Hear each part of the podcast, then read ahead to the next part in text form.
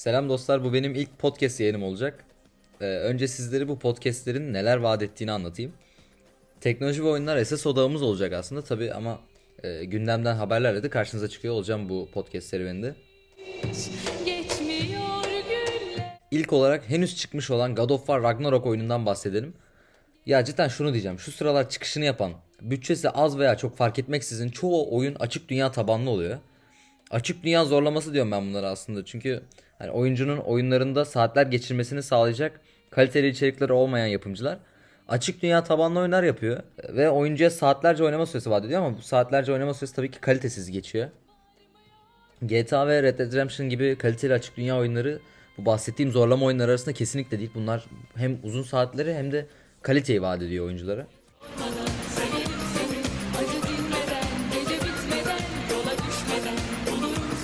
Neyse piyasaya biraz salladıktan sonra gelelim God of War Ragnarok'a. Artık grafiklerden bahsetmeye gerek yok var mı yani gerek var mı bilmiyorum ama 2013'te yaşamıyoruz sonuçta. Çıkan her yeni oyunda grafikler çağ ama yani burada bir ama var. God of War gerçekten bir önceki oyunuyla da Ragnarok'la da oyun piyasasının grafiksel anlamda zirveyi taşıyor yani. Müthiş bir seviye. Hikaye konusuna gelirsek İskandinav mitolojisinin zenginliğini oyunda hissedebiliyoruz. Spoiler olmasın ol- olmaması açısından çok bahsetmeyeceğim aslında ama Kratos ve Atreus arasında bu iki karakter arasında baba oğul ilişkisi bu oyunda daha da geliştirmiş. Özellikle Atreus'un bir önceki oyundan e, bu oyuna ki aradaki gelişimi çok e, başarılı olmuş. Teknik konulara gelirsek e, DualSense yani PlayStation 5 e, kontrolcüsü çok başarılı olmuş diyorlar. Şahsen deneme fırsatım olmadı ama zaten PlayStation özelinde çıkan bir e, oyundan da bunu beklememiz gerekiyor zaten. Yani çok başarılı bulmuşlar haptik titreşimi.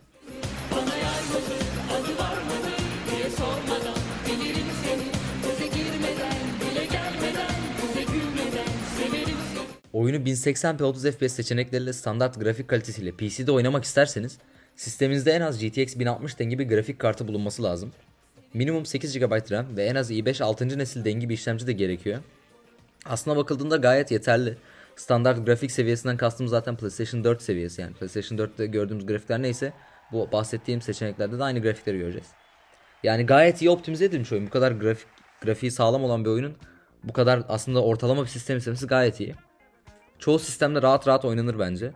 Ama eğer ben hayvan gibi zenginim, manyak gibi sistemim var, en üst grafik seviyesinde oynamak istiyorum lan diyorsan sevgili zengin dostum ultra grafik seviyesinde 4K 60 FPS oynamak için ekran kartı tarafında RTX 3080 veya RX 6600 XT denginde, işlemci tarafında ise i9 9. nesil ve 16 GB sizin için yeterli olacaktır.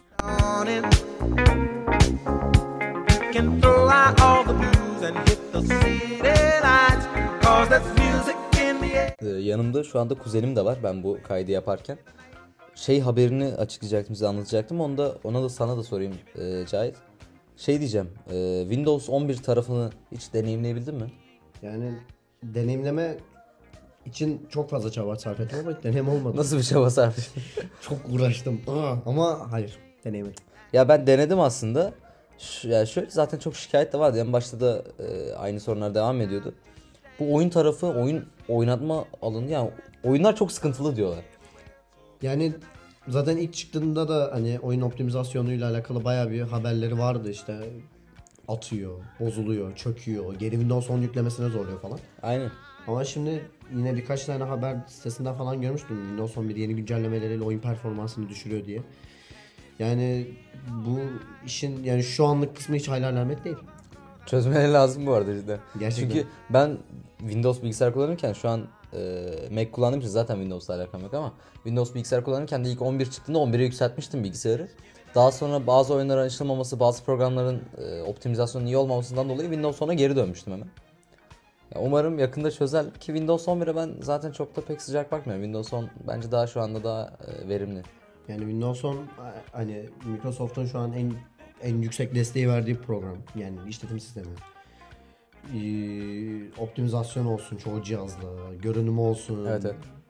Hani bu şeyi de beğenmedim ya Windows 11'de daha böyle smoothlaştırdık daha böyle basitleştirdik tasarımlar değişti falan. Ben onları çok beğenmedim ya. Yani sanki Windows 10 daha güzel geliyordu. Yani çok saçma bir örnek vereceğim ama iPhone 4 stilini iPhone 12'de geri getirmeleri gibi. O klasikleşmiş böyle e, dönmeli hani o tasarımın Yani o- fazla bilmiyorum ama evet. hani çok saçma. Smooth, daha Aynen, çok narin. smooth. İşte saçma bir örnekten gidiyorum ama gerçekten çok saçma olmuş. Hani işte yok böyle açısını değiştirip dümdüz Windows logosu koymak. İşte pencereyi ortadan açması falan. Çok saçma. Yani sözde modernlik oluyor bunlar ama bence tabii Daha çok demodernlik oluyor ama olsun.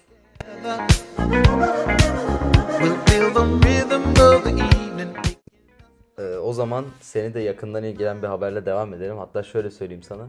Seni bu seriyle tanıştıran kişi olarak kendimde gurur duyuyorum. Uncharted sonunda bilgisayar tarafına da çıkış yaptı.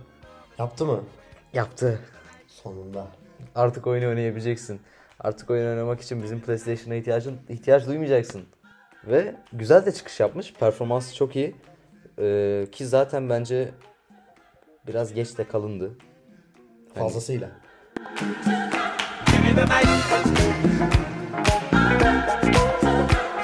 Uncharted 4 ve 5 bilgisayara çıkış yaptı. İlk oyunların Definitive Edition'ları daha önce e, PlayStation tarafında tekrar çıkış yapmıştı ama onlar şu an henüz e, bilgisayar tarafına çıkmadı. Onları da belki e, önümüzdeki yıllarda belki de e, hiç görmeyiz ama umarım görürüz. Yani gerçekten geç kalındı ama gelmesi çok iyi oldu. Kesinlikle. Geç olsun güç olmasın diyelim.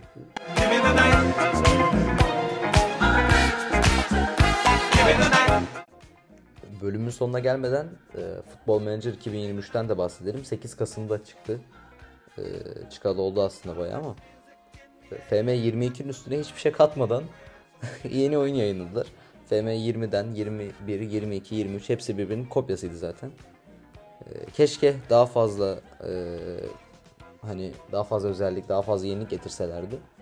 Hatta grafiksel açıdan bence FM 17'den bile daha kötü olmuş. Hani e, piyasada tek el olduğu için, başka bir rakip olmadığı için belki de o yüzden çok çaba sarf etmiyorlar ama bence Sega firmasının en önemli markalarından biri. Yani biraz daha üstüne düşünmesi gerektiğini düşünüyorum.